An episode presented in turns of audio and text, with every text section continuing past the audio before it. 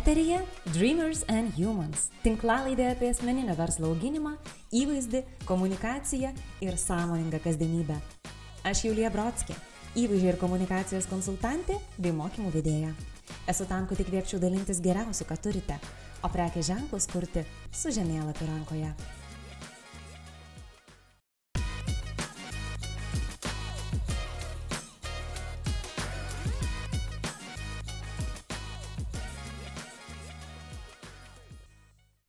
Sveiki.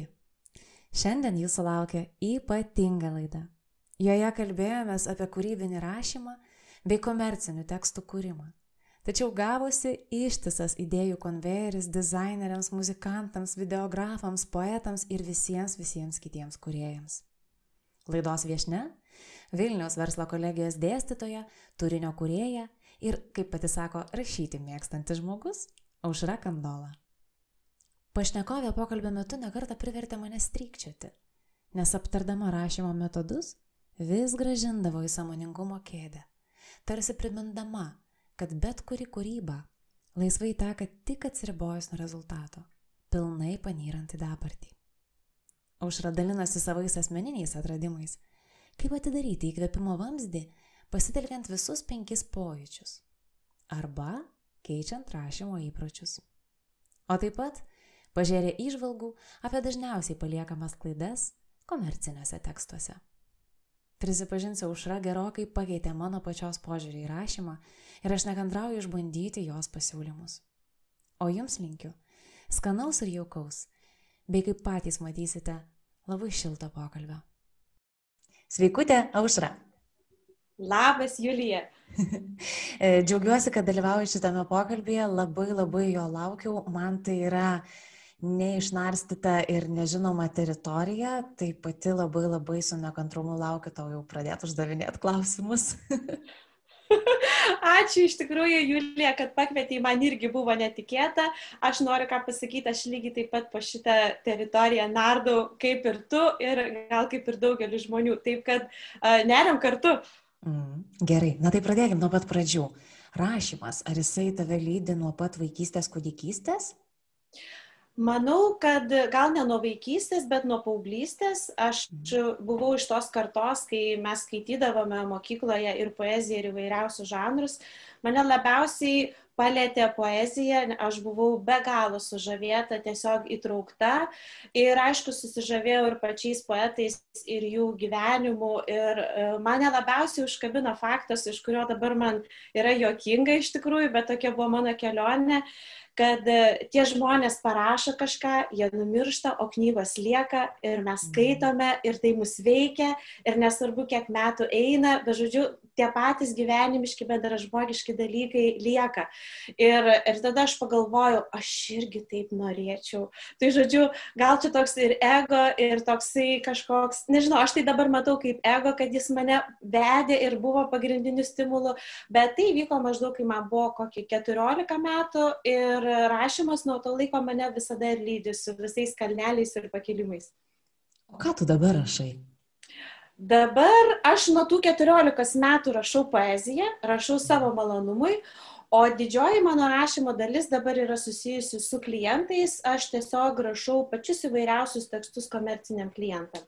Bet per visą šį laikotarpį visko iš tikrųjų buvo labai skirtingos rytis, kur reikia rašyti ir ką reikia rašyti. Uh, ir e, nuo filmų aprašymų ir baigiant iki tekstų tinklalapių dabar aš rašau ir straipsnį įvairiausių, žodžiu, labai skirtingai. Aš aišku esu bandžiusi ir grožinį literatūrą rašyti, tai labai daug ko visko. Tu dėstai Vilniaus verslo kolegijoje ir būtent pasakoji apie kūrybinį rašymą ir jo pagrindus studentams. Ar galėtum papasakoti, tai apie ką jūs ten kalbate, ar jūs daugiau rašote? Mes ir kalbame, ir rašome, ypač aš kalbu, nes esu tokia paplepanti, bet iš tikrųjų labai paprasta yra. Taip, aš dėstau kolegijoje studentam, kurie ateina tik po mokyklas arba jau yra ir vyresnių žmonių. Ir mano dalykas vadinasi turinio kūrimas medijoms. Ir žinutė yra labai paprasta. Aš mokau kūrybinio rašymo pagrindų ir kaip juos pritaikyti komercinių tekstų kūrimui. Tai reiškia, kad e, greunamas yra mitas, e, kuris yra daugelio žmonių galvoje, kad kad kūrybinis rašymas yra susijęs su romanų rašymu ir apskritai, kad tai tik meniškiam žmonėm yra svarbu, būdinga. Mes, mes kalbame apie tai, ar kūrybiškumas ir kūrybinis rašymas tai daugiau yra talentas ar amatas. Ir aš pateikiu jiems įvairiausių kūrybinių užduočių, kad tiesiog supurtytumėm savo protą ir išvestumėm jį, kaip čia pasakyti, iš tų standartinių tokių rėmų, iš standartinio kelio, ko mes esame išmokyti dažniausiai. Ir tada tiesiog rodau praktinės kūrybinio rašymo pritaikymo galimybės, kad mes tai galime absoliučiai visur naudoti. Manau, tai ir yra naudojama, tik gal daugelis savo neįsivardina.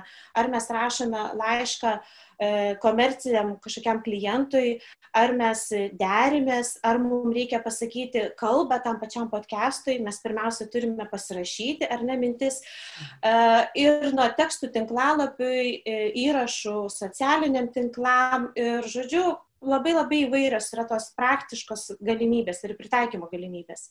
Mhm.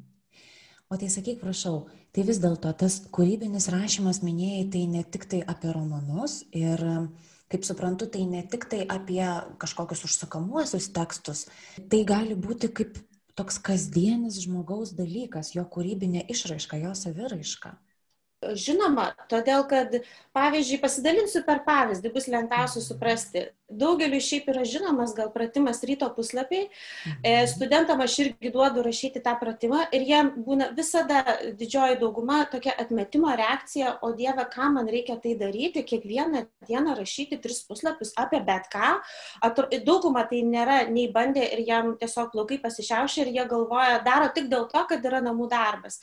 Bet pas paskui aš išgaunu iš studentų nuostabių atsiliepimų.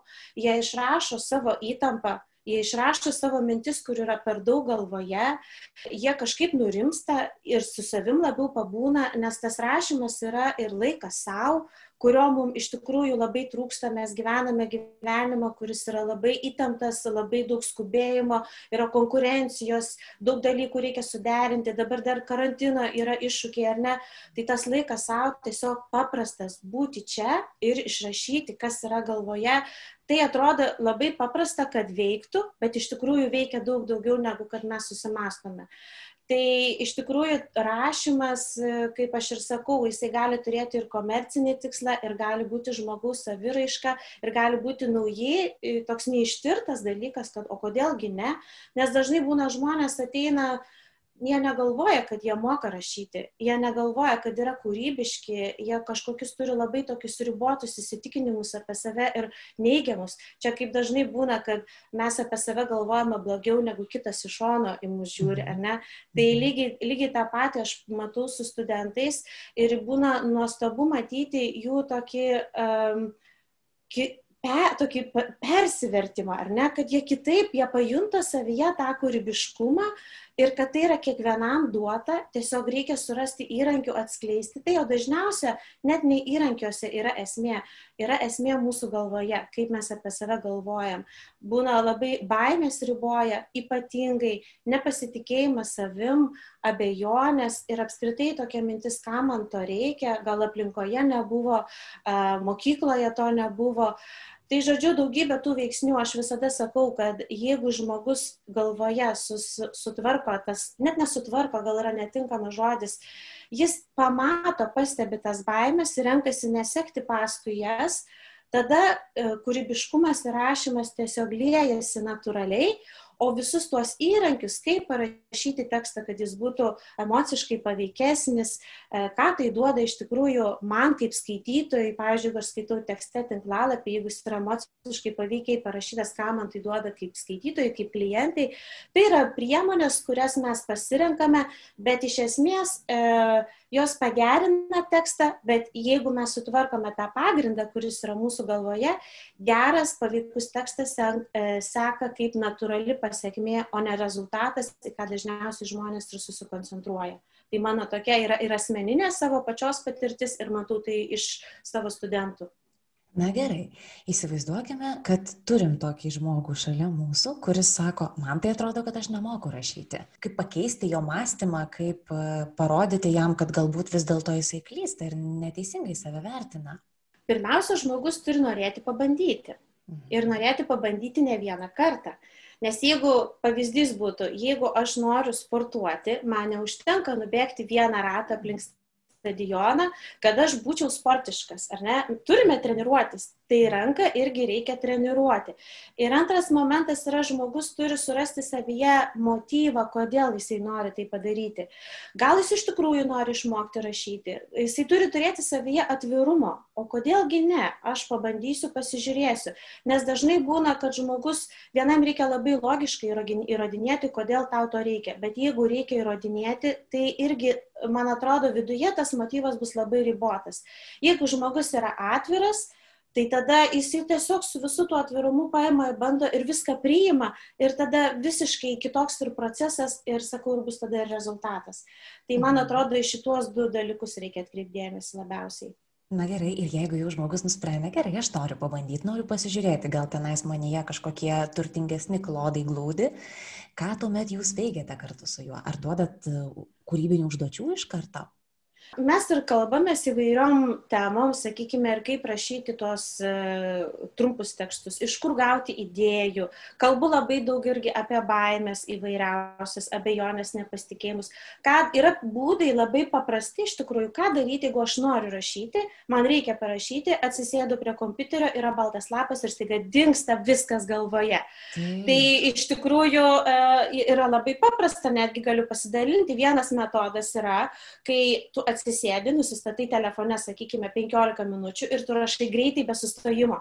Tiesiog, tu net nesirūpini, kas tuo metu yra tavo galvoje mintis, ar ne, ar čia aš labai temą, ar aš labai sklandžiai, ar, ar yra klaidų gramatiškų, ar aš pasikartos kažkoks žodis, nesvarbu, tu tiesiog imi rašai. Ir tai tas toks skubėjimas yra, kad neleidi įsiterpti vidiniam kritikui ir tu tarsi spiritas duris su koja, su savo žodžiais ir eini tiesiai ant to balto lapo ir nekiek nedvėjoji.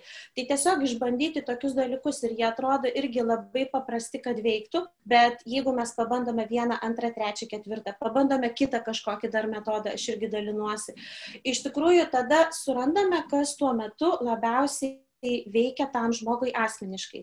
Ir man ši tema ypatingai yra tokia svarbi, labai mėgstu apie tai kalbėti dėl to, kad aš pati turėjau tokią, kaip čia pasakyti, gyvenime situaciją, su kuria labai ilgai buvau, kad atsisėdu rašyti, aš noriu rašyti ir man viskas, ką aš parašau, man viskas nepatinka, siaubingai nepatinka, kritikuoju, išbraukiu, tada atsistoju nuo stalo, nueinu, pasidarau arbatos, aplinka ideali, e, niekas netrukdo, žodžiu, tik imk ir rašyk, o kažko kodėl neišeina. Tai uh, mano būdas man asmeniškai padėjęs buvo, kad aš nuo kompiuterio prieėjau prie sąsiuvinio ir pasėmiau rašalinį parkerį. Ir man tiesiog, taip, nes yra šiaip ir moksliniai tyrimai tokie įrodyta, kad labai gerai yra rašyti ranka, todėl kad smegenys tarsi susiderina su kūnu, nes dažnai mintis mūsų labai skuba bėga, e, tada įsijungia tas vidinis kritikas, o čia gaunasi tokia harmonija. Ir mano atveju jinai nuostabiai suveikė, dar aš pasėmiau rašalinį parkerį, tiesiog kažkaip net nepagalvodama, bet iš tikrųjų tas rašalinis parkeris irgi pristabdo. Mes su juo lėčiau rašome negu kad su tušinuku, norisi mhm. net kažkaip dailiau rašyti. Ir tada tas toks vidinis susiderinimas iš tikrųjų įvyko ir man labai pramušė kaip kamštis tiesiog tada iššovė. Na, tas žmogus, at, kuris naudoja vieną arba kitą arba visus šitos metodus, tarsi yra priverstas atsiriboti nuo to, kas jam gausis ir nuo to rezultato, kurį jis parašys. Nes jeigu jisai užsideda tą laikroduką 15 minučių rašyti, na, akivaizdu, kad jisai jau tikrai mažiausiai tuo metu galvoja apie tai, ar čia gražu bus ar ne. Jo pagrindinė užduotis yra rašyti 15 minučių. Arba netgi jeigu jis pasiima parkerį, be jokios abejonės jis jau koncentruojasi tai, kaip, kaip pati minėjai, galbūt gražiau parašyti, galbūt kažkaip samoningiau tai daryti ir pasileisti į tą tokią tiekmę ir visą tai daryti tokioje harmonijoje. Tai žodžiu, visą tai taip labiau pasidaro apie procesą, net ne apie patį rezultatą. Taip, būtent. Būtent esmė ir yra procese. Labai dažnai mes, kai turime kažką parašyti, nesvarbu, ar tai yra laiškas klientui, ar tinklalapį tekstas, ar straipsnis, bet kas, mes labai galvojame apie rezultatą. Mes turime savo lūkesčių, o dabar aš turiu nesusimauti. Mes galvojame apie tam, pavyzdžiui, žmogui, kuriam turim rašyti, ar tai mano yra direktorius, ar mano vadovas, ar mano klientas, jis apie mane turi dar lūkesčių, tai aš dabar turiu kažkaip nepasi, nes, nepavesti jo, ar ne? Mhm. Tai mes va taip su savo tais lūkesčiais ir galvojame apie rezultatą, ypač jeigu tai yra tema kažkokia nauja, iššūkis, negirdėta, ar ne? Ne, e, gal mums gerai, pavyzdžiui, moka ir mes nenorime prarasti to kliento. Žodžiu, įvairiausių situacijų gali būti. Ir tada labai viduje atsiranda didelė įtampa, kurią žmogus gali sąmoningai arba nesąmoningai net nesuvokti. Ir ta įtampa, tie lūkesčiai labai veikia patį procesą. Ir jeigu veikia patį procesą, aišku, rezultatas bus atitinkamas. Todėl aš pati irgi mokausi, nes man pačiai ne kiekvieną kartą pavyksta save tai pagauti ir visą laiką kalbu su studentais ir apskritai, kas nori kalbėti apie rašymą, kad uh, jeigu aš susitelkiu į dabarties momentą, tai reiškia, į ką aš dabar rašau, tai tie lūkesčiai jie tiesiog nueina į šoną gerokai, aš jiem nebeskiriu dėmesio. Kur energija, ten ir dėmesys, kur dėmesys, ten ir rezultatas. Va, va šita yra mintis. Ir iš tikrųjų, kur mes skiriame savo dėmesį, tai te, ten ir būna tas rezultatas. Jeigu aš jį skiriu dabarčiai ir šitam procesui, ir aš pridedu dar jausmą, pasimėgavimą, džiaugsmą, tuo, ką aš dabar rašau, tiesiog e, tokį malonumą iš to ar ne gaunu, tada tas procesas yra va, tikras dabarties momentas, apie ką labai daug yra kalbama, va, gyventi čia ir dabar. Tai esmė yra mhm. rašyti čia ir dabar.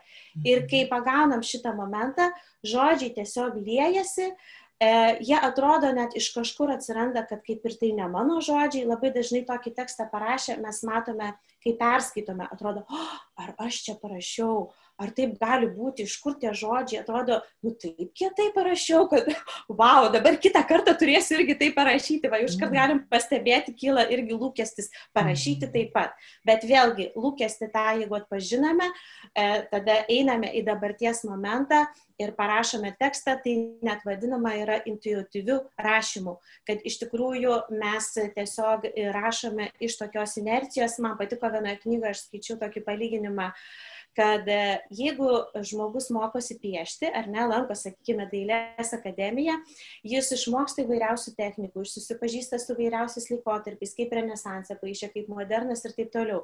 Ir jis pabaigęs nori atrasti savo piešimo stilių. Jis turi mhm. pamiršti visas žinias ir turi tapti tuščiu vamzdžiu, kad per jį tiesiog lietusi, ar ne, nežinau, vaizdiniai, energija, kažkokios mintis, intuicija, dažniausiai tai vadinama intuicija.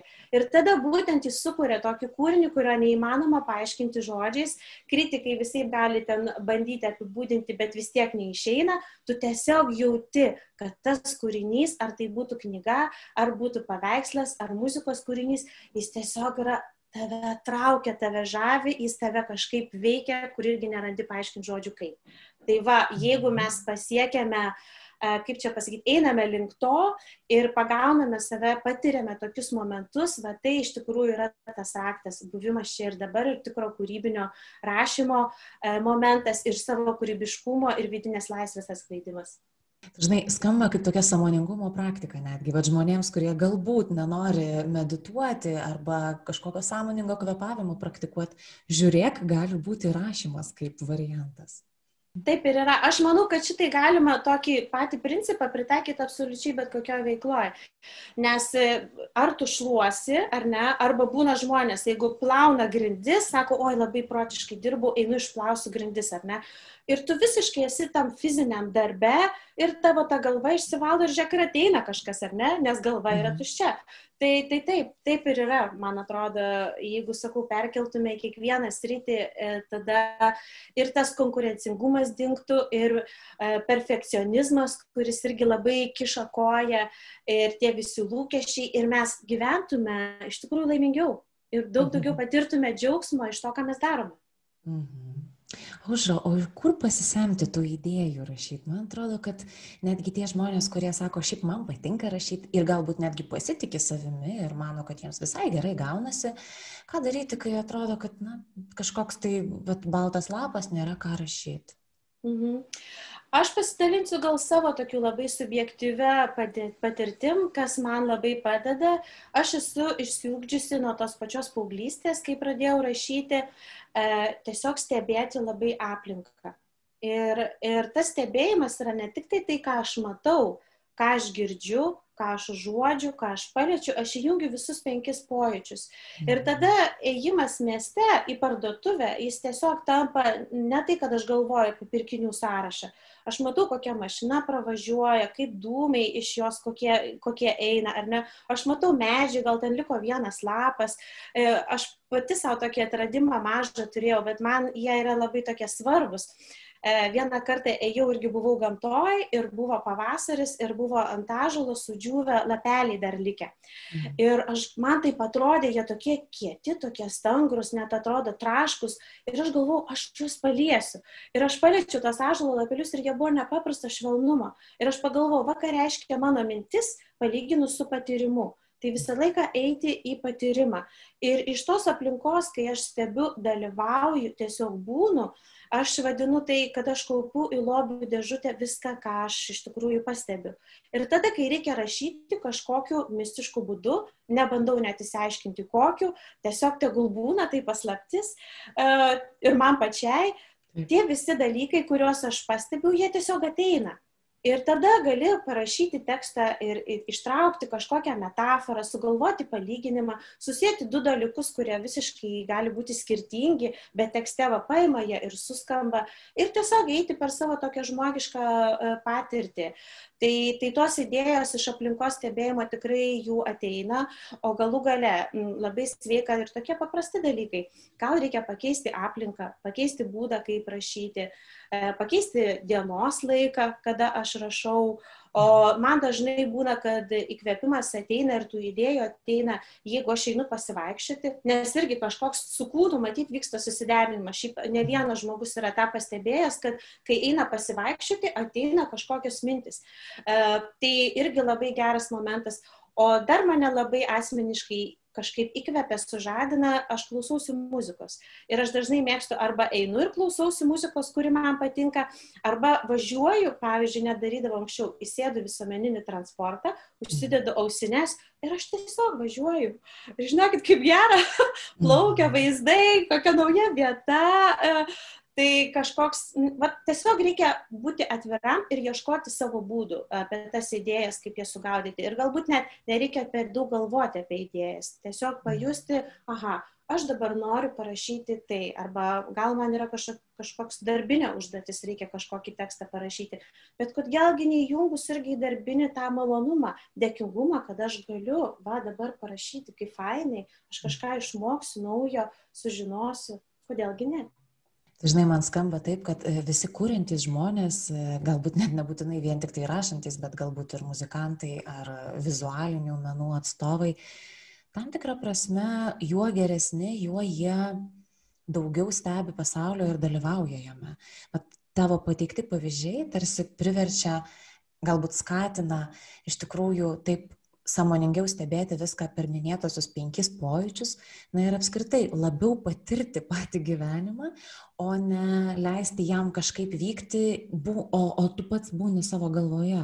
Taip, aš manau, kad daug daugiau gyvenimo vyksta iš tikrųjų e, aplink mus dabar, mano kambarį, ar ne, e, mhm. už, už sienos, negu kaip mes dažnai prisigalvojame, tiesiog nu, mintise, ar ne, dažnai mes būname mhm. paskendę mintise ir galvojame, kad ten ir yra tas gyvenimas, bet ten mintis keičiasi viena po kitos pačios įvairiausios ir jos dažniausiai su realybė, su mano gebėjimu rašyti, neturi dažnai nieko bendro. Taip. Arba mes galvojame, kad uh, tam, kad daugiau patirtumėm, būtinai galbūt reikia išnešti save į kažkokią tai ypatingą aplinką arba kažkaip ypatingai nusiteikti, nežinau, galbūt būtinai dalyvauti mokymuose ir panašiai, o iš tikrųjų galbūt per artimiausią pusvalandį mes galim visiškai kitaip patirti savo kasdienybę, jeigu tikrai labai labai sąmoningai būsim savo kambaryje arba labai labai sąmoningai vaikščiosime po mišką kiek čia iš tikrųjų peno yra tam pačiam rašymui ir kūrybai. Mhm. Šiaip man labai įstrigo, yra toksai austrų poetas Raineris Marija Rilke. Ir jis senais laikais e, rašė, susirašinėjo su vienu iš savo gerbėjų, nes tada, aišku, kompiuterio nebuvo, buvo laiškai, čia toks senesni laikai. Ir, žodžiu, jam e, jaunas irgi menininkas parašė laišką, kad kaip tau gerai, tu gali rašyti poeziją ir vairiausius gražius tekstus, nes tu keliauji, tave kažkas remia ir tavo mhm. visai kitoks gyvenimas. O mano gyvenimas yra nuobodi kasdienybė ir, žodžiu, iš kur aš gausiu to įkvėpimo ir taip toliau. Ir jie pradėjo susirašinėti ir vėliau šių susirašinėjimų išėjo tokia maža knygutė, e, taip, laiškai jaunam poetui, kur e, mhm. Raineris Marija Rilkė davė patarimus būtent tam jaunam menininkui. Ir mane labai, man labai patiko šita knygutė, labai įkvėpė ir jisai sako, nesvarbu, ar tu gyveni įspūdingą gyvenimą, ar visiškai tavo kasdienybė yra paprasta, kiekvieną kartą vis tas pats ir tas pats, tu turi apsidaryti net aplink savo kambarį ir ten tikrai rasi apie ką rašyti. Viskas priklauso priklauso nuo tavo buvimo vėlgi, nuo tavo požiūrio ir ką tu iš aplinkos, kur yra aplink mus, tiesiog pasisemi, ką tu mhm. pastebi. Mhm. Tai mes galime, pavyzdžiui, išgerti arbatą ryte skubėdami 1-2 per minutę, bet jeigu mes gersim ją su tokiu kaip ritualą savotišką, pasidarysim lietai, su pasimėgavimu, visai tas pats veiksmas mums duos visiškai kitokį poveikį. Tai su rašymu lygiai tas pats. Aušra, sakyk, Na, vat kalbamės apie tą tokį laisvą kūrybinį rašymą.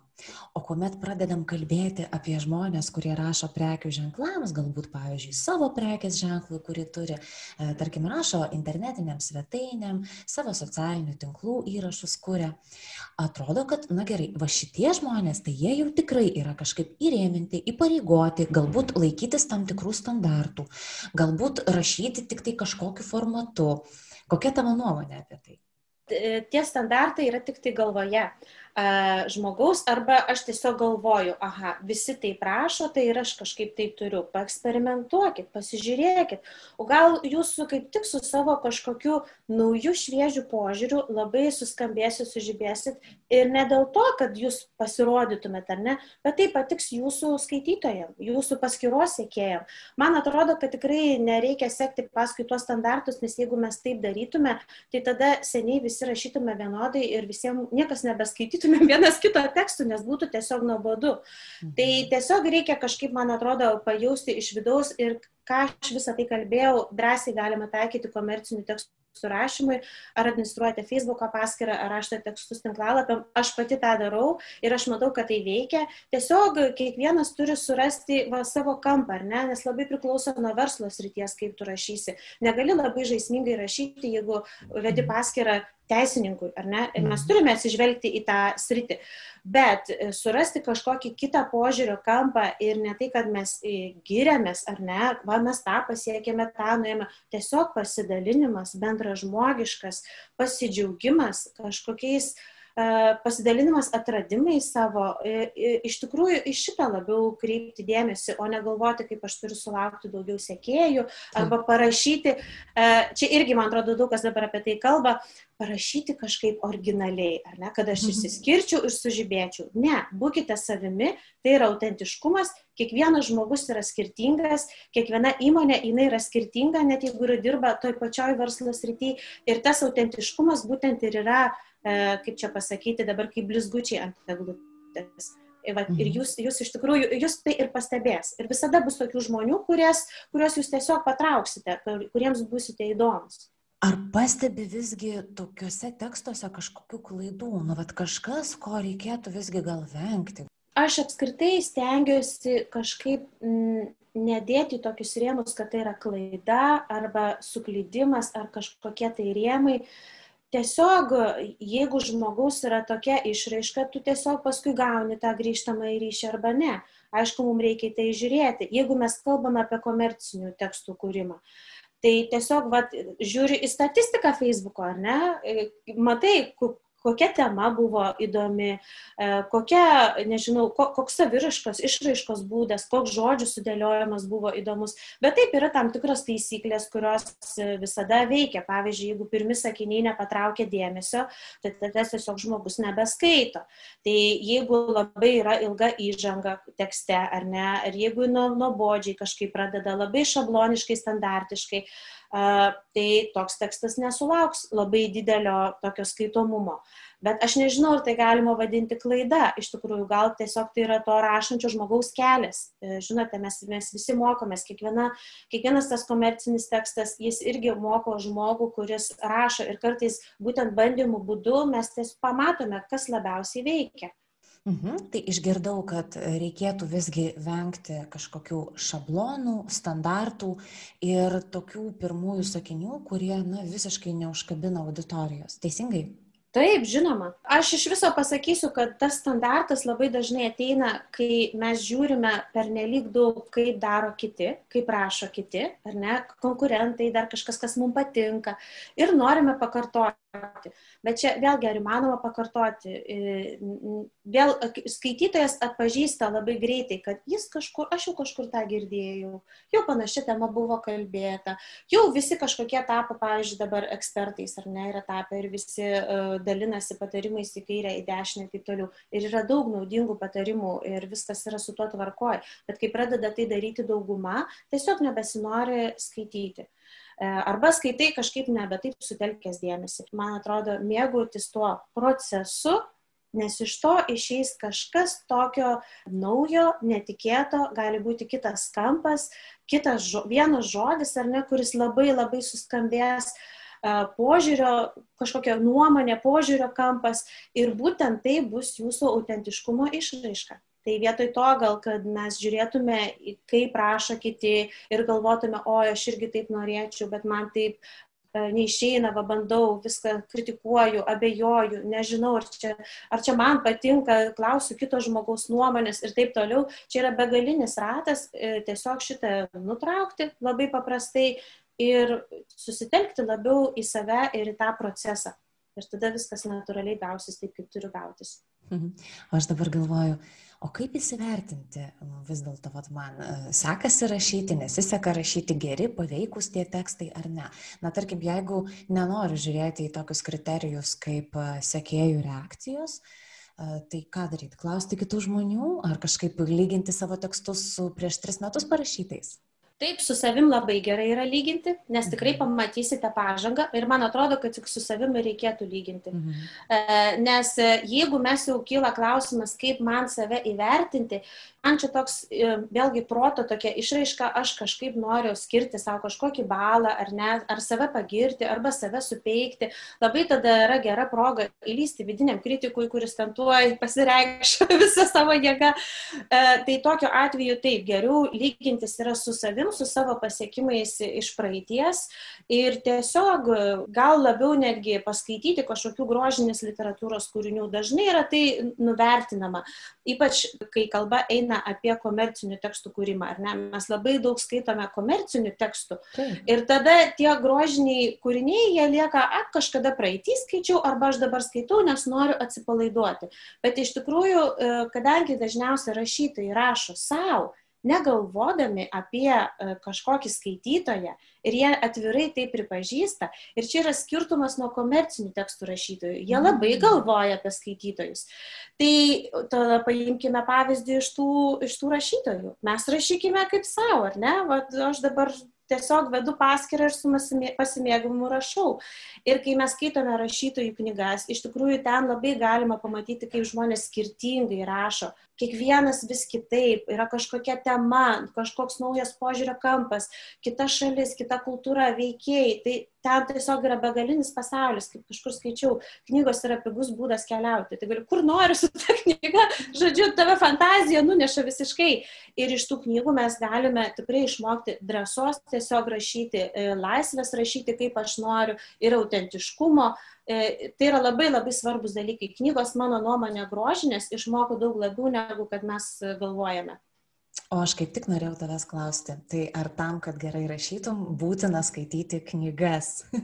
Manau, tai, kad taip. Taip. Ir žinai, va, iš tikrųjų, beklausydama tavęs irgi galvoju, mes dabar esame užversti literatūra, kuri yra tokia savipagalbos literatūra, labai daug psichologijos, labai daug iš tikrųjų edukacijos ir jinai yra labai paprastai ir lengvai prieinama. Ir toks jausmas, kad iš tikrųjų visuomenė dabar gan daug vartoja tokios literatūros. Tik tai pati irgi pastebėjau per save, kad mhm, jinai labai neskatina kūrybiškumo, tai dažniausiai yra penas e, reikalinga informacija kasdienybei, įpročiams, galų galia išsilavinimui. Tačiau taip, spalvų tarsi ir neįneša į gyvenimą ir norėtųsi iš tikrųjų daugiau skaityti grožinės ir, kaip, kaip pati mini, įvairesnės grožinės literatūros. Mhm. Žinot, aš irgi buvau tame etape, kai skaičiau nemažai uh, tų savipagalbos mhm. knygų. Ir jos iš tikrųjų ten yra gerų dalykų. A, tikrai nenurašyčiau, kai kurias iš jų iki šiol esu ant stalo pasidėjusi, e, nes jos duoda. Bet uh, esi vienas yra skirtumas, ką aš pati patyriau. Viena yra skaityti, o kita taikyti praktiškai. Mes labai dažnai skaitome, skaitome, einame į vieną seminarą, į kitą, e, nes kažkaip įsivaizduojam, kad ten kažką pasakys tokio, kad dabar aš jau pritaikysiu, žodžiu, arba išgirsiu ir man viskas, ar ne? Bet reikia taikyti praktiškai ir tai turi būti nuolatinis dalykas. Jeigu aš bent trečdalį iš to, ką perskaičiau, sakykime, saviugdos knygose, pritaikysiu iš tikrųjų praktiškai kiekvieną dieną, tai nauda, tai wow, kokia bus. O iš tikrųjų mes dažnai pas, pasineriame į tą tiesiog skaitimą ir žinių kaupimą. Ir tada kaupiu žinias vien valdant žinių arba galvoju, kaip aš noriu daug žinoti, daug išmokti. Tai Tai čia lygiai taip pat galima skaityti labai daug apie kūrybinį rašymą, apie, tai, apie rinkodarą, apie bet kurią kitą sritį, bet mes taikykime praktiškai. Man atrodo, daug daugiau naudos bus. Mhm. Taip, tikrai sutinku. E, sakyk, aušra, minėjai tokį dalyką, kad vis dėlto e, yra tam tikros priemonės, kurios daro tekstus paveikesnius. Ar galėtum paminėti vieną kitą? Galiu pasakyti vieną tokį m, mm, tikrai labai gerai veikiantį dalyką. Dažniausiai, sugrįšiu prie tų penkių pojūčių, dažniausiai mes rašome, ką matome. Mes mhm. neįjungiame tų penkių pojūčių. Bet jeigu imsime komercinių tekstų kūrimą, ar ne, jeigu man reikia parašyti tekstus tinklalapiui, pavyzdžiui, kavinė, kuri pardavinėja kavą ir desertus, aš tikrai parašysiu apie tai, kaip jie kvepia ir mhm. koks yra skonis tų desertų. Ir jeigu mes prisimename, kad mes turime tos penkis pojūčius ir tekstuose iš tikrųjų įjungiame, e, tekstas emociškai yra paveikesnis. Ir šiaip esu net irgi skaičiusi vienoje knygoje, kad moksliniai tyrimai yra padaryti, jeigu parašytas vaizdingas, va taip emociškai paveikus tekstas, smegenys mūsų supranta, kad tai vyksta iš tikrųjų. Ir tada auto, va, tokia ir gaunasi reakcija, kad aš sureaguoju, aš užsimanau to torto, sakykime, aš pagalvoju, o gal norėčiau savaitgalį, gal ne šią akimirką, arba ateityje. Tai va, ką daro iš tikrųjų tos meninės priemonės, kurias taiko rašytojai, man atrodo, daug tų rašytojų net kažkaip neanalizuoja, nekategorizuoja ir panašiai, bet jeigu mes pritaikome jas komercinių tekstų kūrimui, sukūrėme tokį emociškai paveikų tekstą, išraiška yra tokia, kad, e, pavyzdžiui, ateis daugiau pirkėjų. Aišku, ne iš karto, bet čia yra ilgalaikė perspektyva. Tai pajungti, rašant penkis pojūčius, aprašyti ne tik tai, ką mes matome, bet ir visu, visus kitus dalykus yra iš tikrųjų labai labai efektyvu. Na ir tokie paprasti dalykai, iš tikrųjų jausti pastraipos, kad būtų, kad būtų įžanga užkabinanti. Labai dažnai mėgsta žmonės um, aiškinti daug, tais vis kitais žodžiais paaiškinti tą patį dalyką. Tai tiesiog e, turėti tokią kritiškesnę akį, aštresnę akį savo paties žodžiam, nesusitapatinti su tai žodžiais, nes dažnai mes būna labai prisirišam. Parašom ir, oi, kaip čia aš gerai dabar parašiau ir atrodo jaučiu, kad tą vietą ir turėčiau ištrinti, nes truputį nei tema jinai buvo, arba per daug jau kalbėjau, bet taip gerai parašiau, nu negi dabar ištrinsiu. Ne. tai iš tikrųjų būkime, būkime tokie negailestingesni savo žodžiam, kirskime su kirviu. Aš visada savo taip pati sakau, kad mano tikslas yra, kad aš parašyčiau gerą tekstą. Ar ne? Ne, kad mano ego būtų patenkintas ir palikta vieta, kuri man labai patiko tekste, bet tiesiog geras tekstas. Ir aš tada dirbu, sakykime, su klientu, kad tas tekstas būtų kažkaip tikrai ir man atrodytų jis geras, ir klientas būtų patenkintas. Tai band, taip ir surandame iš tikrųjų tą, tą tokį aukso vidurį. Šiaip labai labai geras patarimas, nes aš iš tikrųjų tikiu, kad e, ir aš, ir galbūt klausantieji pagaus save, kad tikrai dažnu atveju nesinori ištrinti vieno kito sakinio, nes jis tiesiog yra gražus. Nepagalvojame apie tai, kad tie, kurie skaitys, galbūt iš tikrųjų tiesiog nori greitai perskaityti ir pagauti visą esmę, tačiau mes juos tarsi šiek tiek užgrūdame pertekliniais tekstais. Taip, taip, taip. Labai dažnai yra tas perteklius, kai kartojasi mintis, kartojasi žodžiai, vis bandome kažkaip paaiškinti, neatsekame, nesame pakankamai budrus rašydami, ir nuklystame mintimis ir pradedame kalbėti, pavyzdžiui, kitą temą.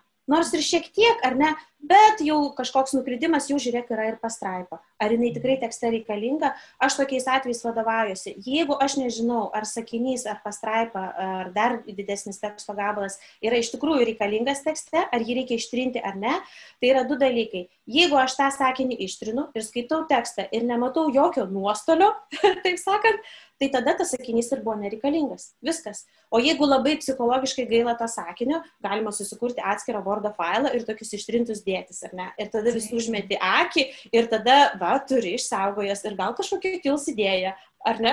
Kodėlgi ne? Iš tikrųjų, juk tai nereiškia, kad jie vis, viso gero ir jie numirs. Taip, galima kaupti. Taip, mhm. taip, taip, galima į telefoną įsirašyti, aš pati labai mėgstu telefone visokius tokius dalykus rašyti, gal turiu daug labai tų įrašų. Ir aš vis sugrįžtu, man jie vis duoda kažkokių idėjų.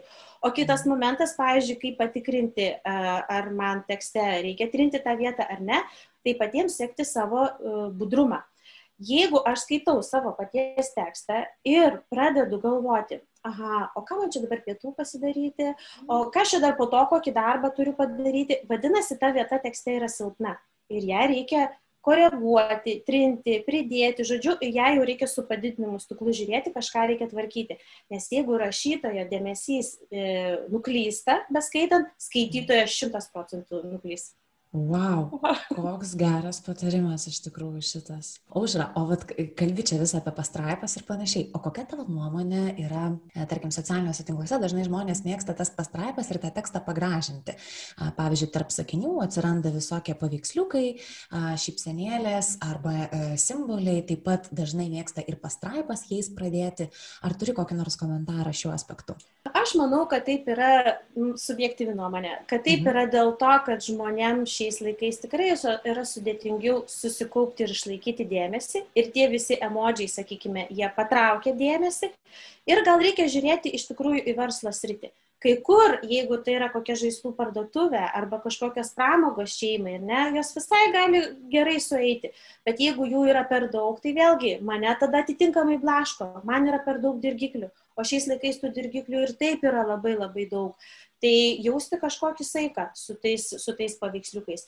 Bet jeigu kalbame apie, pavyzdžiui, tinklalapių kūrimą, ar ne, kaip ir tekstai, tai tikrai nuotraukos jos yra reikalingos, mes turime, turime įterpti nuotraukas tarp, sakykime, jeigu yra blogo įrašas, kad jos kažkaip tarsi toksai būna paskaitai, paskaitai, pasižiūri, hu, atsikvėpi, turiu jėgų skaityti daugiau toliau. tai maždaug va šitaip. Tai ir su pastraipom, ir su nuotraukom taip yra. Man iš viso taip norisi, e, ypač kalbant apie tinklalapius, kad e, pasakyti norisi, kad nereikia nuklysti į kraštutinumą. Neturi būti vien vizualas arba vien tik tai teksto paklodės arba vien tik tai video. Turime surasti aukso iš tikrųjų vidurį, nes žmonės yra skirtingi, jos skirtingi dalykai veikia. Tikrai nėra taip, kad video dabar valdo ir tekstai metamės jos į šoną, e, taip nėra. E, todėl, jeigu mes surandame tą aukso vidurį, mes pataikysime ir į skaitytoją, kuris mėgsta video, ir tą, kuris mėgsta skaityti, ir tą, kuris labai turi gerą akį vizualų. Man labai žavu stebėti tai, kaip aš vis beklausydama tavęs sugalvoju klausimą, kurį norėsiu tau užduoti ir tu jau į jį atsakai. Man net neuždavus. Wow, nes taip, aušra, norėjau klausti, kaip galvoji, nes aš irgi žiūriu statistikas ir žiūriu tai, ko čia tikėtis 21 metais komunikacijoje. Ir aišku, kaip ir kiekvienais metais yra visą laiką auganti ta statistika video peržiūrų ir video turinio kūrimo kiekis yra visą laiką, visą laiką augantis. Ir irgi galvoju, paklausiau aušros, tai ar skaito dar kas nors šiais laikais ir ar, ar pati jauti, kad galbūt ir klientų poreikis mažėja tekstams, o galbūt žmonės žmonės kitaip juos priima, galbūt reikia kažkokių kitokių tekstų, negu reikėjo prieš, tarkim, dešimt metų. Nu, aišku, man atrodo, kad reikia kitokių e, tekstų. Tikrai mhm. nereikia tų ilgų įžangų. Eikite iš karto prie esmės, kalbėkite. Tegul įžanga būna daug trumpesnė, negu kad mes rašydavo mokyklai rašinėlį, ar ne? Ir tegul užkabina tas pirmas, antras sakinys, iš tikrųjų patraukia mūsų dėmesį. O tekstus iš tikrųjų manau, kad skaito, o aš visada e, taip mėgstu kartoti. Jeigu neskaito žmonės, tai žinokit, Google robotai skaito ir visus raktažodžius nuskaito. Taip, kad tekstų reikia. Ir tada klientam paprastai būna viskas aišku, nes jie labai supranta per tokią kai kurie tokią praktišką pusę, aha, turi būti raktažodžiai, nes tada ateis klientas ir jis, iš, pavyzdžiui, iš manęs gali nupirkti. Viskas aišku, klausimų nebėra. Mhm, mhm, mhm tikriausiai prieš pusę metų rašiau tokią tinklalaidę apie istorijų pasakojimą marketingė ir norėjau iš tikrųjų paskatinti žmonės kūrybiškiau irgi žiūrėti savo komunikaciją ir daugiau dalintis tiek savo klientų istorijomis, o galbūt produktų arba apskritai prekės ženklo istorijomis. Kokia tavo nuomonė apie būtent istorijas, ar daug jų matai, e, variantų, pavyzdžių, e, kiek stebi marketingo ir galbūt irgi turėtum vieną kitą patarimą, gal žmonės daro kažkokias klaidas jas rašydami? Aš manau, kad jų tikrai nepakanka. Hmm. Yra, e, yra, kiek aš ieškojau tinklalapių, tikrai yra nedaug, kurie moka parašyti apie save, apie savo verslą, apie įmonės darbuotojus, misiją, viziją, vertybės, kad būtų tas tekstas iš tikrųjų skaitomas. E, tikrai daug yra labai šablonų, kaip parašyta tik dėl to, kad tai būtų, nes turi būti tokia meniu kategorija ar ne ir viskas. Užsienyje tų daug pavyzdžių yra daugiau, arba jeigu iš lietuviškų tinklalapių, kiek man teko rasti, kažkaip aš vis randu smulkesnius verslus, kai žmogus dirba pats savo ir jis turi viską daryti ir jis supranta, kad aš negaliu samdyti e, agentūros, e, kad man ten mane pareklamuotų, padarytų, aš žodžiu kažkaip turiu sukti savo jėgomis. Tada žmogus labiau domisi ir manau arba intuityviai, arba tiesiog sužino e, iš, iš, to, iš tų, sakykime, kitų knygų, iš interneto, kad, aha, man reikia kažką kalbėti apie save, nes tikrai santykiai, santykiai perku parduodu socialiniuose tinkluose arba tinklalapiuose, jie yra tikrai vakarykštė diena, niekam yra tai neįdomu ir tai neveikia emociškai, pilna yra tų perku parduodu. Bet vis dėlto, kai reikia rašyti, sakykime, istoriją, o dažniausiai tai būna verslo atstovas ar ne, įkūrėjas, tie žmonės, kaip čia pasakyti, jie galvoja, kad jų istorija yra neverta dėmesio kad nenutiko nieko įspūdingo, kad mano gyvenimas yra labai paprastas. Man yra toks kažkoks įsitikinimas, kad turi būti dramatiškas gyvenimas, sunki vaikystė, kažkoks sunkus ten kelias į kalnus, kad aš dabar galėčiau papasakoti istoriją apie save.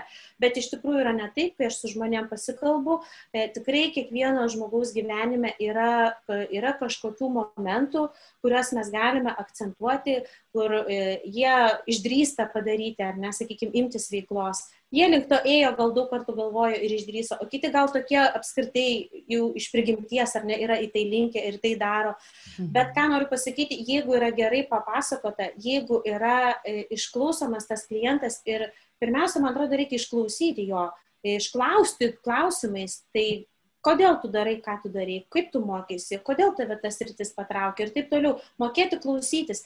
Ir tada, beklausant, jeigu yra rašantis žmogus, jis tikrai mokės jau sudėlioti akcentus, į ką reikia atkreipti dėmesį, ką reikia akcentuoti, kokią transformaciją ar nepateikti, nes dažnai būna, kad istorijos kokios paveikios. Yra herojus, sakykime, aš kaip įmonės įkūrėjas, mano gyvenime, pavyzdžiui, nutiko kažkokia, uh, nežinau, gali būti krizė, vidinė, pavyzdžiui, ne, finansinė krizė, gal skirybos, gal viskas nusibodo, viskas gerai sekėsi, nusibodo, viską apskričiai mečiau ir tada ėmiausi kažkokios visai veiklos, kuri atrodo net nepelninga. Ir tai yra ta transformacija. Ir kai mes parodome tą transformaciją ir pasakome, kaip tam žmogui sekasi dabar, ir svarbiausia, nedailiname visko kaip nuostabaus Instagram paveikslo. Parašykime, kokie kokie buvo sunkumai, kokie kilo iššūkiai, kas jam padėjo, kas nepadėjo, kokie buvo, nu, kokie, kokius žmonės sutiko, ar ne, ką išmoko. Tai tokios istorijos labai labai įkvepia ir jų labai trūksta, nes kiek aš irgi pabendrauju su savo klientais, kiekvienas iš jų turi tokią istoriją, bet dažniausiai galvoja, kad neverta jinai pasakoti, nes nieko čia įspūdingo neįvyko. Jam atrodo, tada jie susikoncentruoja, kad man reikia gyvenime dar tą ir tą sužinoti, to to pasiekti, galbūt ne tiek tiek uždirbti, ar ne, kad aš galėčiau papasakoti savo istoriją. Tai čia daugiau vėlgi grįžtame į tą į tokią psichologiją. Ir, ir vėlgi, kiek aš galiu, kitiem net atrodo, pavyzdžiui, jeigu aš papasakosiu apie save, apie mane visi sužinos ir dings mano privatus gyvenimas. E, tai irgi yra netiesa iš tikrųjų. Jūs galite, galima tą istoriją parašyti taip, kad jinai įkvėptų, kad jinai mus sužavėtų, kad mes iš kažko galėtumėm pasimokyti, pavyzdžiui, ar ne? Gal aš esu tame, tame, tame etape, galvoju apie savo verslą. Nes aš esu, pavyzdžiui, mama, kuriai dabar va, vaikui tuoj bus du metai ir aš nenoriu grįžti į tą ankstesnį darbą. Labai dažnas atvejis. Taip. Ir aš paskaitysiu apie kitą, kitą žmogų, e, kur, kuris buvo panašioje situacijoje ir ryžosi. Man tai toks įkvėpimas, ar ne? Ir aš žinosiu, jis, pavyzdžiui, pasidalina klaidom, ko aš dabar nedaryčiau, jeigu kurčiau verslą e, e, praėjus dviem metam, ar ne? Tai pars pasako tokius savo atradimus, tai, tai yra neįkainuojamo, e, neįkainuojamas pasidalinimas iš tikrųjų ir to labai trūksta. Gal šiek tiek matosi tai Instagrame per storius mhm. žmonės pasakoja, vieną kitą postą parašo, bet kas yra susijęs su tinklalapiais, labai pasigendu tokių istorijų. Gal turi kažkur prikaupusi savo atmintyje tokių pavyzdžių, kur manai, kad tinkamai rašo, tinkamai pasakoja, na, kuriuos, kur galbūt istorijų yra daugiau arba patinka tau atrastas savitas rašymo stilius, ar tokių prekių ženklų dabar ateina į galvą? Aišku, kai tai paklausi, tai tuščia galva. Mhm. Man kažkodėl įstrigo vienas pavyzdys, e, labai gerai žinoma prekė ženklo ne iš Lietuvos, tai yra iš užsienio, tai yra apie Richard Branson, Virgin įkūrėją. Jeigu mes atsiverstume įmonės tinklalapį ir mhm. nueitume į tą skiltį, kur rašoma apie mus, e, viziją, miziją, vertybės ir taip toliau, mes pamatytume visą tokią įvykių chronologiją, kur yra panaudotos Richard Branson nuotraukos iš įvairaus gyvenimo etapo ir įmonės istorija yra papasakota labai tokiu aiškiu, konkrečiu stiliumi, konkrečiais faktais ir visada yra įtarpta kažkas iš to Richardo e, gyvenimo. Ir netgi nėra parašyta ne vardas pavardė, o tiesiog Richard. Pavyzdžiui, įmoniai Virgin suėjo ten tiek ir tiek metų, 50, man atrodo, paskutinis įrašas. Mm. Parašyta, Richardui suėjo 70. Va tiesiog. Ir man labai patiko tas pateikimo būdas, kad Jis yra įmonės įkūrėjas, variklis, veidas, visi, kas domisi, jo žino ir kad tos įmonės istorija yra neatsiejama nuo jo paties gyvenimo istorijos. Ir nebūtina labai atvirauti, rodyti savo namus ir panašiai, galima tiesiog tokiais paprastais faktais papasakoti ir žmonės iš karto susidaro vaizdą labai gerą, va, prašau, yra žmogus ir jo, jo gyvenimo kelionė yra neatsiejama nuo tos įmonės gyvenimo kelionė ir įvyko, wow, kiek daug. Ir lygiai grečiai aš bandau įsivaizduoti, jeigu ateičiau į Virgin puslapį ir tenais būtų lygiai tas pats, chronologija ir panašiai, tik tai išmetus visas Richardo gyvenimo detalės, tai jau ties antrų sakinių išjungčiau iš tikrųjų. Taip, taip ir būtų, nes dažnai daug kas ir pasirenka e, tai prašyti sausai, nuobodžiai, dalykiškai, bet sausi faktai nieko neįkvepia. Todėl istorijos reikalingos. Taip, ir iš tikrųjų apskritai žmonėms tikrai yra žymiai įdomiau, kuomet e, tose istorijose pinasi ir žmonių gyvenimo įvykiai ir istorijos. Kažkaip atrodo, kad jas lengviau įsivaizduoti, jose lengviau atsirasti savo pačiam ir apskritai jos kažkaip labiau surezonuoja su vidum, negu tiesiog prekės ženklo kažkokios istorijos norisi to žmogiško ryšio ir pamatyti, kad iš tikrųjų įmonė pati savaime nesusikūrė. Tai buvo kažkokio žmogaus arba žmonių grupės svajonės, buvo kažkokie, nežinau, tikslai, įsivaizdavimai, pati kelionė. Nes tikrai verslė irgi yra visko, kai papasakoja žmonės arba apskritai mes matome, tai labai daug ko iš tikrųjų išmoksta tie žmonės ir patiria ir kodėlgi to nepapasakoti. Tai iš tikrųjų yra įdomu ir tokia uh, kaip čia pasakyti, jeigu žmonės daug dalinasi apie savo asmeninį gyvenimą ar nepasakoja biografijas ir taip toliau, tai verslininkų tų kabutėse paprastų, ar ne, mhm. E, tiesiog žmonių, kurias mes kasdien sutinkame, jų kelionė yra ne ką mažiau spūdingesnė ir iš ten labai galima daug ko išmokti. Mhm. O jeigu taip nutiktų, kad kas nors, pavyzdžiui, klausosi laidos ir galvoja, hmm, visai norėčiau pabandyti eiti į istorijų keliu ir nepasitikiu savimi ir galbūt man atrodo, kad ta istorija kažkokia plokščia, neįdomi, ar e, yra galimybė, tarkim, kreiptis į tave arba į kitus e, rašymo meistrus, kurie galėtų padėti tas istorijas kažkaip tai iš, išgryninti, aprašyti ir užduotų toną tam storytellingui savo komunikacijoje? Manau, kad tikrai taip. Kiekvienas žmogus, kuris dirba e, rašytoju, čia taip jokingai net skamba, dirba rašytoju. Iš tikrųjų. Žodžiu, kuris rašo, rašo tekstų, komerciniam klientam, komercinius tekstus, tikrai mhm. supras, apie ką čia eina kalba ir tiesiog galima drąsiai kreiptis į, į tokį žmogų ir e, aš tai bent jau visada darau taip, aš tiesiog įsijungiu telefoną ir, ir klausausi to žmogaus, kaip yra pokalbis, kaip interviu. Ir visko išklausinėjau. Ir dažnai kartais žmonėm atrodo iš pradžio, o tai kaip čia dabar susijęs su to mano verslu. Aš sakau, jūs nesirūpinkit. sakau, jūs tiesiog kalbėkit ir tada būna įsi, mūsų pokalbis kažkaip išsirutulioja ir žmogus pasako labai gerų išvalgų, nes uh, mes tiesiog tam skiriame laiko ir dėmesio ir tada ta istorija tikrai, jinai išeina graži istorija. Arba, kaip suprantu, galima eiti kitų kelių, galima mokytis vis dėlto ir pačiam rašyti teisingai. Aušra, man atrodo, kad tu pasakoji apie savo planuojamas dirbtuves rašymo. Aš dar pati nesugalvojau, kaip vadinsis, bet e, nuo kitų metų, 2021, noriu tokį dalyką iš tikrųjų pradėti. Man labiausia norisi atkreipti dėmesį būtent į tą procesą ir tiesiog pasidalinti e, kūrybinio rašymo kažkokiais, e, nu kaip pavadinkime, tokiais patarimais ar ne, triukais, nemėgstos to žodžio triukai, ar ne, mhm. bet kad mes galime iš tikrųjų tai pritaikyti ir labai dažnai taikome ir patys to net nesus, nesusimastome. Sakykime, daug kas žino, kad jeigu mes rašome ilgais sakiniais ir jeigu eina du sakiniai ilgi, trečias sakinys turi būti trumpesnis. Ar hmm, ne? Nes čia jau yra. Bet man atrodo, Julija, jeigu pažiūrėtum į savo tekstus, tai tikrai e, pastebėtum tokį dalyką, kad po kažkurio laiko yra trumpesnis sakinys ir jis yra toks emocinis akcentas, pauzė. Nes skaitytojas nemoka išlaikyti labai ilgai dėmesio, kai yra labai ilgi sakiniai nuolat, nuolat, hmm. nuolat. Ar ne? Aš kalbu apie komercinius tekstus. Mhm. Ir tokiu atveju mes va, galime tai pažaisti. Tai yra tokių kažkokių triukų, bet esmė yra man visada norisi tokį akcentą pasakyti. Galima tų triukų žinoti, kiek nori, bet jeigu vėl mes labai susitelksime į rezultatą, jeigu mes sukelsime labai daug lūkesčių tiem triukam, kad dabar aš žinau, dabar aš kažkaip matematiškai bandysiu pritaikyti kaip kokią formulę, tai nėra formulė. Tiesiog e, daugiau dėmesio į save ir į tą procesą. Tada tie triukai, kuriuos jūs kažkur perskaitėte ir galvojate, kad pamiršote, išlenda tada, kada ir reikia. Man labai patinka kūrybinio rašymo e, pratimai jie tiesiog labai sujudina protą išmuša mus iš vėžių, padaryti reikia greitai, aš jau su studentais esu išbandžius ir pati esu išbandžius, tai iš tikrųjų veikia ir tas toksai, o, supurtimas, jis labai yra naudingas. Tokių kūrybinio rašymo pratimų tai tikrai, tikrai, tikrai darysim tiesiog, mhm. kad išmuštume tą standartinį rašymą, kurio esame išmokyti dažniausiai dėja mokykloje. Ir ne dėl to, kad matyt mokytoja tokia, o tiesiog, kad yra tokia programa, kalbama labai dažnai, kas siejasi su rašymu ir su žodžiais, mes dažniausiai turime parašyti literatūros kūrinio analizę, rašinėlį, interpretaciją, kaip be pavadinsi. Bet niekas mūsų nemoko iš tikrųjų žaisti su žodžiais. Ir neparodo, kad mes rašome iš tikrųjų kiekvieną dieną, tik tai skirtingus tekstus.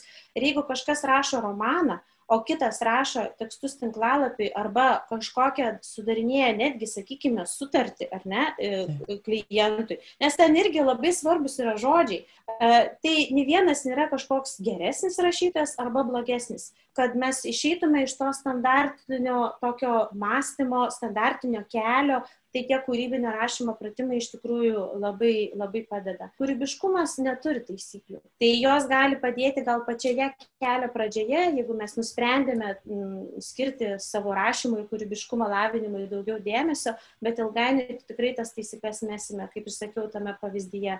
Dailininkas turi pamiršti viską, ką jisai mokėjo, kad taptų tuščių vamzdžių. Tai čia lygiai taip pat. Kaip gražu, man labai labai gražu ir labai įkvėta. ir žinai, aš klausausi ir, ir girdžiu, kaip visa tai iš tikrųjų yra pritaikoma, na, bet kur. Ne tik rašyme, visur, visur iš tikrųjų. Taip, taip, taip, taip. Čia mūsų tokio motyvo reikia vidinio ir tiesiog budrumo, samoningumo. Tai Jeigu taip, tai yra tokia samoningumo mokykla, saviudos mokykla, galima ir taip pavadinti, bet man atrodo, net nereikia kažkokių vėlgi klyjuoti etikečių, tiesiog žiūrėkime, kur yra mūsų dėmesys Aušra, ar yra dar kas nors tokio, ko mes šiandien nepakalbėjom, bet tu jauti, kad e, tai būtinai, būtinai, būtinai norėtųsi ištransliuoti klausytojams? Daug žmonių galvoja, kad yra jie nekūrybiški, kad e, kažkaip jie nemoka rašyti. E, net visai neseniai prieš keletą dienų viena studentė su manim pasidalino tokia žinutė, Sako, aš tikrai galvau, kad rašymas yra sunkus darbas, sunkus dalykas. Aš vos išlaikiau 12 klasės egzaminą ir sako, dabar aš pradedu patirti džiaugsmą tiesiog rašydama. Tai va, va, va apie šitą vidinę tokią transformaciją eina kalba. Man atrodo, kad e, rašyti gali tikrai daug žmonių. Aš nekalbu apie romanų rašymą, aš kalbu apie komercinių tekstų kūrimą. Tai yra, e, kam mums kasdienai, kokie tekstai yra reikalingi tiesiog mesti lauk iš galvos tą stereotipą, kad aš esu nekūrybiškas, kad tam reikia turėti talentą, kad to negalima išmokti, tai tikrai galima lavinti ir daugybė žmonių tai daro. Aš pati lavinu nuo 14 metų ir kelionėje buvo tikrai visko, buvo ir laiko, kai visai nerašiau, nes atrodė, kad visiška nesąmonė ir kad aš to nemoku ir vėl paskui pakyli. Taip kad e, tiesiog tas kūrybiškumas, nu, tikrai aš galvoju, yra kiekvieno žmogaus viduje. Tik tai mes skirtingoje srityje tai galime išreikšti. O kas yra susijęs su rašymu, kaip ir sakiau, rašytojas nebūtinai yra tas, kuris rašo romaną arba tos, tą pačią poeziją tiesiog jeigu tu kasdien rašai, tai viskas jau turi esi rašytojas ir tu gali tai daryti su didžiuliu malonumu. Dėkoju tau už nuoširdžiai ir noriu paklausti tavęs, kur galima būtų tave rasti, susitikti virtualioje erdvėje, jeigu žmonės jaus, kad nori daugiau ir giliau apie rašymą sužinoti. Geriausia būtų ieškoti manęs Instagrame, Aušra Kandola, Facebook'e lygiai taip pat. Dėkui labai už pokalbį ir visiems linkiu, aišku, kad kūrybiškumo ir drąsos. Ačiū tau, Julija, ir visiems kitiems, kas klausė.